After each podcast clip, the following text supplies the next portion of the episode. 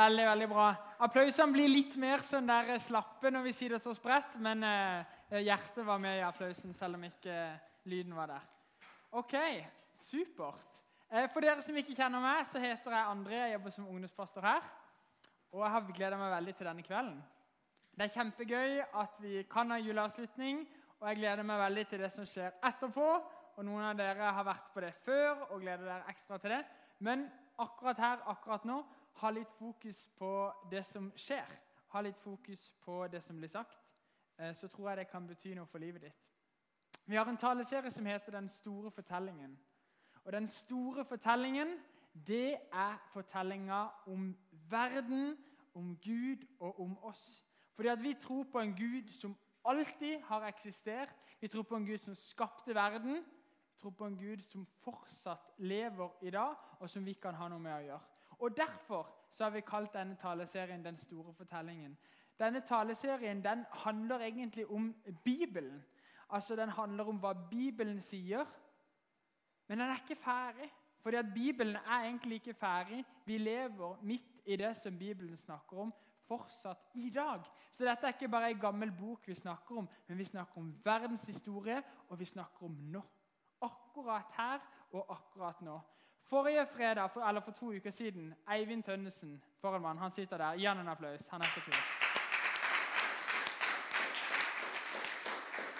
Han eh, tok liksom bare på eh, 20 minutter og dro oss gjennom hele Gamle Testamentet.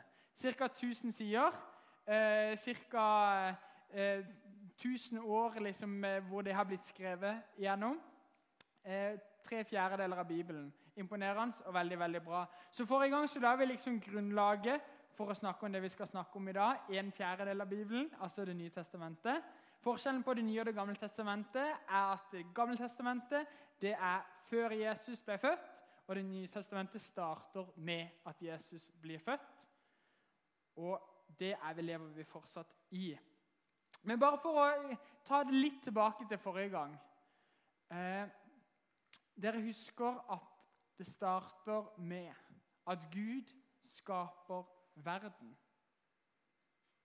Det vi ser omkring oss, det har Gud skapt.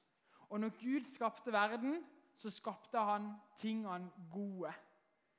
De første menneskene som levde på jorda, levde godt, og det var utrolig fint. Gud hadde planlagt at mennesket skulle leve i en relasjon til Gud. At de skulle ha det godt.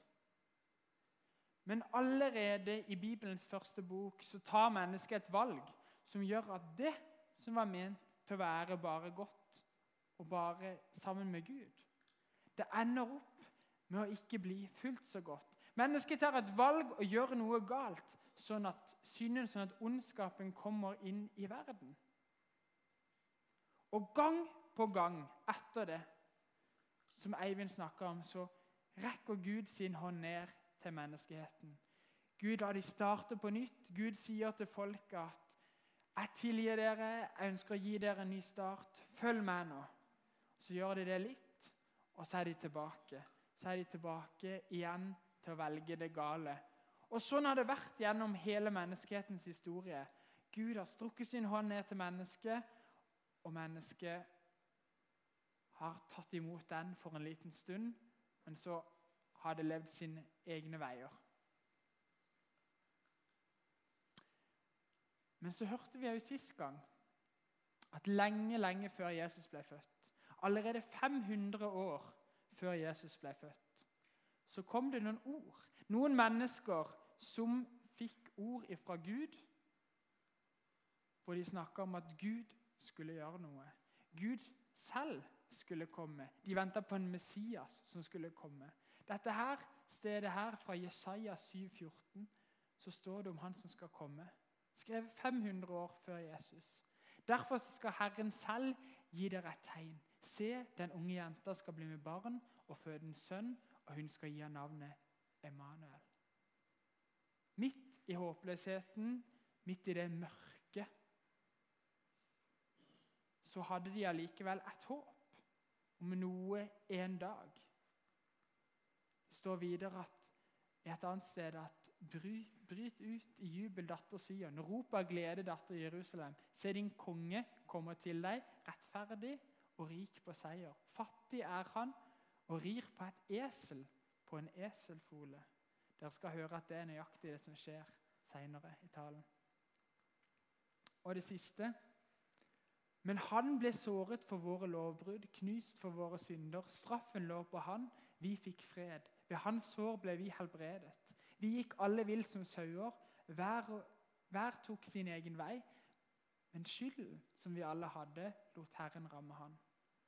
Altså, midt i håpløsheten så hadde folket disse ordene at en dag, et sted, i vår verden, så skal det komme en som skal gjøre noe med den håpløse situasjonen som vi er i. I mørket så skal det komme et lys. Og lite visste de at i dette mørket så skulle dette lyset være et lite barn. Det sto jo det allerede i noen av de versene som vi leste. Men veldig få hadde skjønt at Gud skulle komme til verden som et lite barn. Og Det er hele starten på Nytestamentet. Det er høytida som vi går inn i nå. At vi var ganske dårlige til å komme til himmelen, til å komme til Gud. Derfor så kom himmelen ned til oss. Derfor så kom Gud sjøl ned til oss. Og Når dere ser på det lille barnet på det bildet bak meg, tenk at det var Gud. Det var som Gud valgte å komme til jorda. Det er egentlig helt vilt når du tenker på en liten baby. Hvordan den er. Bibelen og Det nye testamentet sier egentlig ganske lite om Jesus sin oppvekst. Og Det er et stort hull der, egentlig hvor vi plutselig får en liten historie om Jesus når han er tolv år i tempelet. Men så får vi høre om Jesus som 30-åring. Når Jesus er ca. 30 år, så blir Jesus døpt. Og med det så starter Jesus sin gjerning på jorda.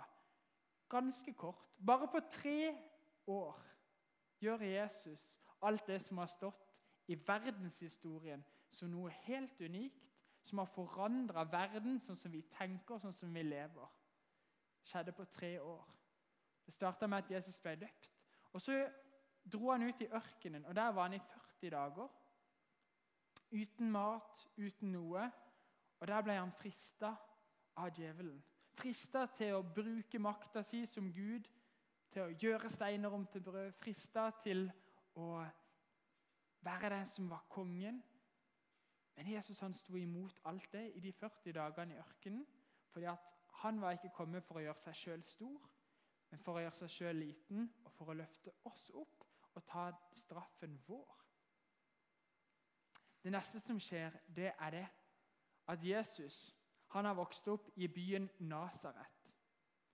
Når han har blitt døpt, når han har vært ute i ørkenen, så kommer han tilbake til hjembyen sin, der han er vokst opp i Nasaret. Og der var det sånn I synagogen, i på en måte kirka for jødene, så var det bokruller, sånne som på bildet der, med de forskjellige skriftene fra Gammeltestamentet. Og det var sånn at Man bytta på å lese disse. Og Jesus han kommer inn i synagogen. Han tar opp den rullen som heter Jesaja, og leser. Ruller opp, og så leser han fra Jesaja 61, som står i Bibelen vår. Der står det Herrens ånd er over meg, for han har salvet meg til å forkynne et godt budskap for fattige. Han har sendt meg ut til å rope ut at fanger skal få frihet, og at blinde skal få syn igjen. For å sette undertrykte fri for å rope ut et nådens år for Herren. Så ruller Jesus sammen den bokrullen, og så sier han akkurat her, akkurat nå, skjer det som står her. Fordi at det er mitt oppdrag.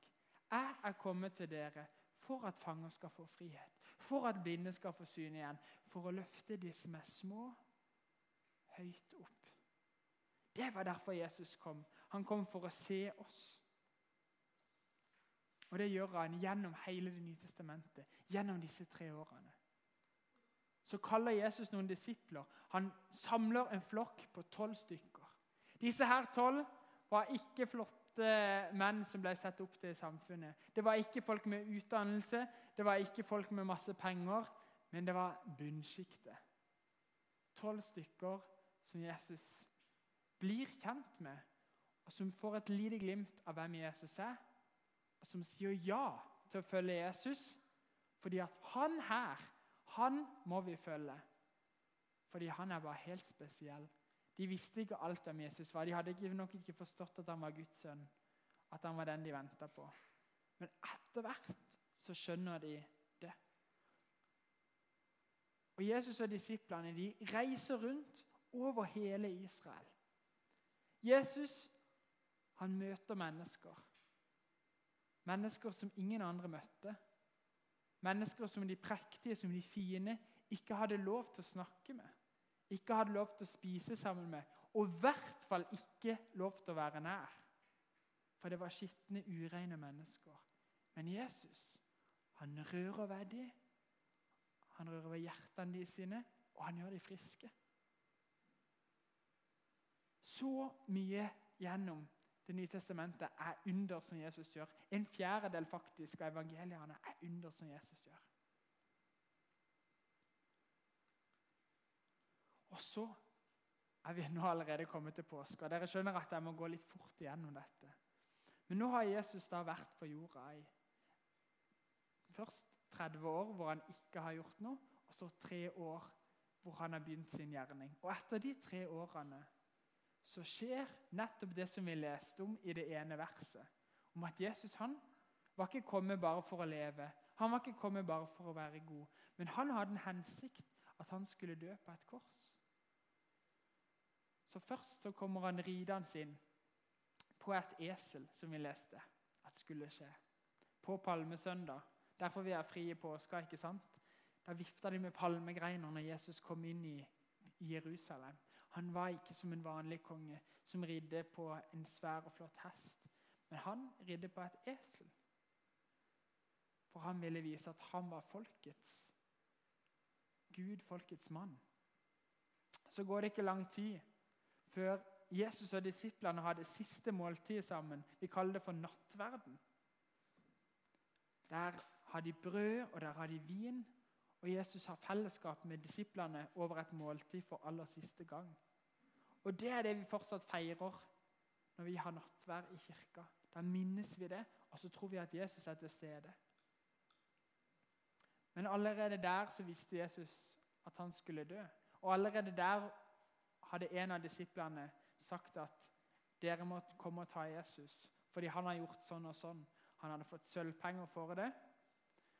Og Jesus fikk sin straff. De kom, de tok han til fange og hadde en rettssak. Og til slutt så blir Jesus dømt til døden. Den mest brutale døden som fantes. Romerne de var eksperter på henrettelsesmetoder.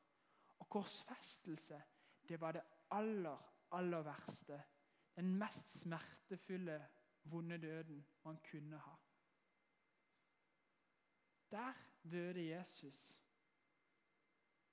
Og når han døde der, så tok han på all menneskets synd, all menneskets ondskap, alle ting som vi har gjort galt, alle ganger vi har tråkket feil. Bærte Jesus det på skuldrene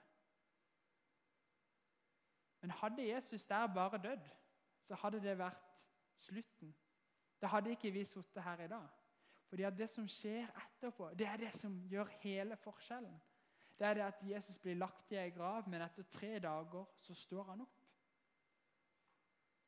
Etter tre dager så står Jesus opp, og med det så har han vunnet over døden, over ondskapen, og vist at han er Gud. Han er Gud som tar den straffen som vi skulle ha og vinner over det, sånn at vi, hvis vi tar han imot, kan leve evig sammen med han. Også her i denne verden, også i evigheten. Og Det som skjer etter det, det er at Jesus han samler sammen de som har vært disiplene sine, og noen til. Og De får navnet apostler. Og disse får verdens viktigste oppdrag. Det fins ikke et oppdrag som er gitt før, som er viktigere eller siden. For de får oppdraget om å fortelle dette til hele verden, til hele jorda, til alle mennesker. At Jesus han har stått opp fra de døde, at Jesus er Gud, at Jesus elsker alle mennesker. Og at hvis vi inviterer han inn i våre liv, så kan vi leve evig sammen med han. Og disse Det var fortsatt ikke en gjeng med flotte folk, men disse tar det oppdraget. De aller fleste av disse ble drept for troa si, men det spredde seg rundt overalt, helt til her vi sitter i dag. En av de som får møte Jesus i et syn, han het Saul. Og Han var egentlig en som forfulgte og drepte de kristne, de første kristne. Han hadde skikkelig imot dem. Men Jesus kommer til ham i et syn, og han blir helt blenda før han får syn igjen. Og Det gjør at han ser at Jesus er jo på ekte. Han som han har forfulgt, han som han har drept folk for, det er han han vil følge. Og Saul han endrer navn til Paulus i det når han blir en kristen.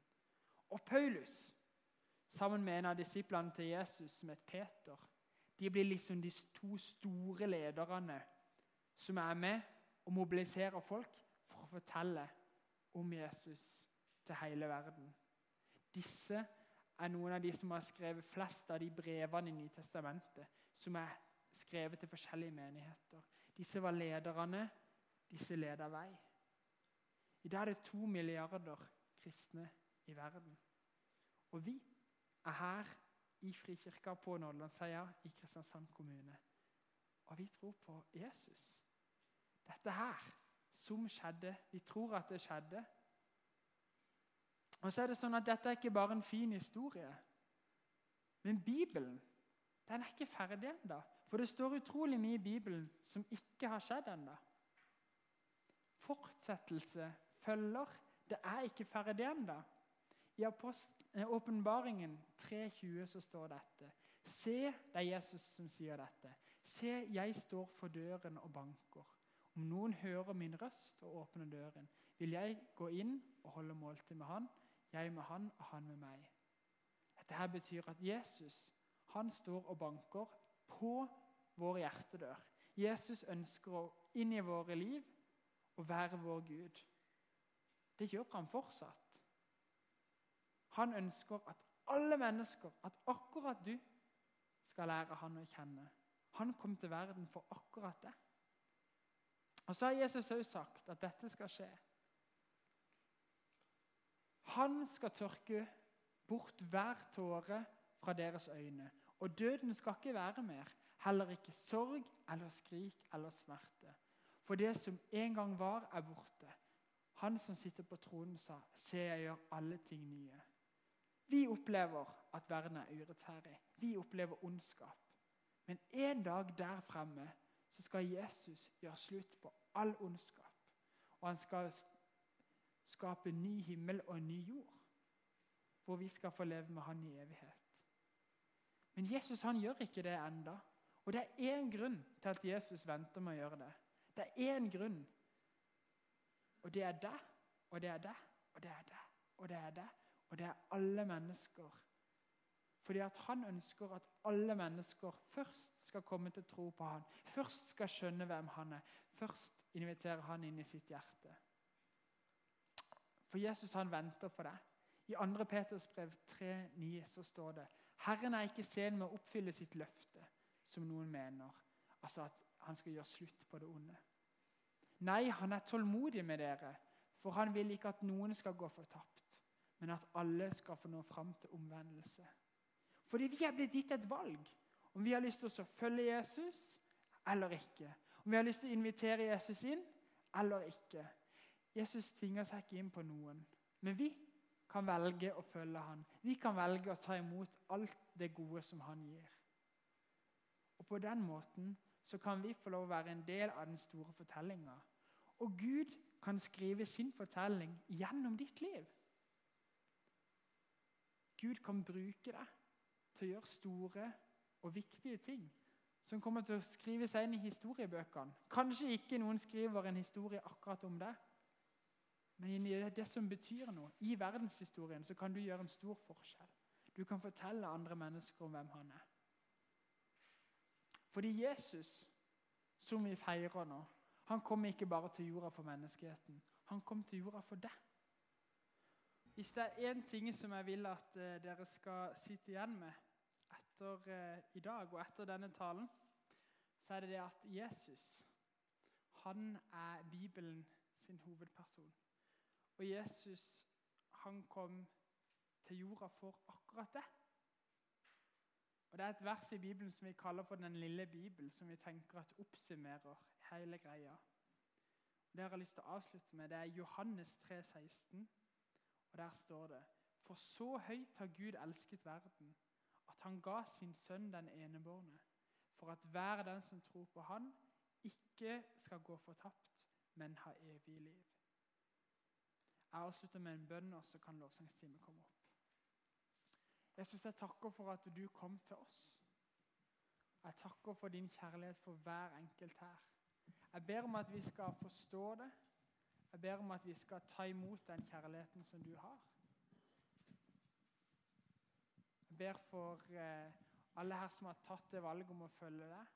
Jeg ber om at eh, vi alle sammen skal kjenne at eh, du er nær i våre liv og vår hverdag.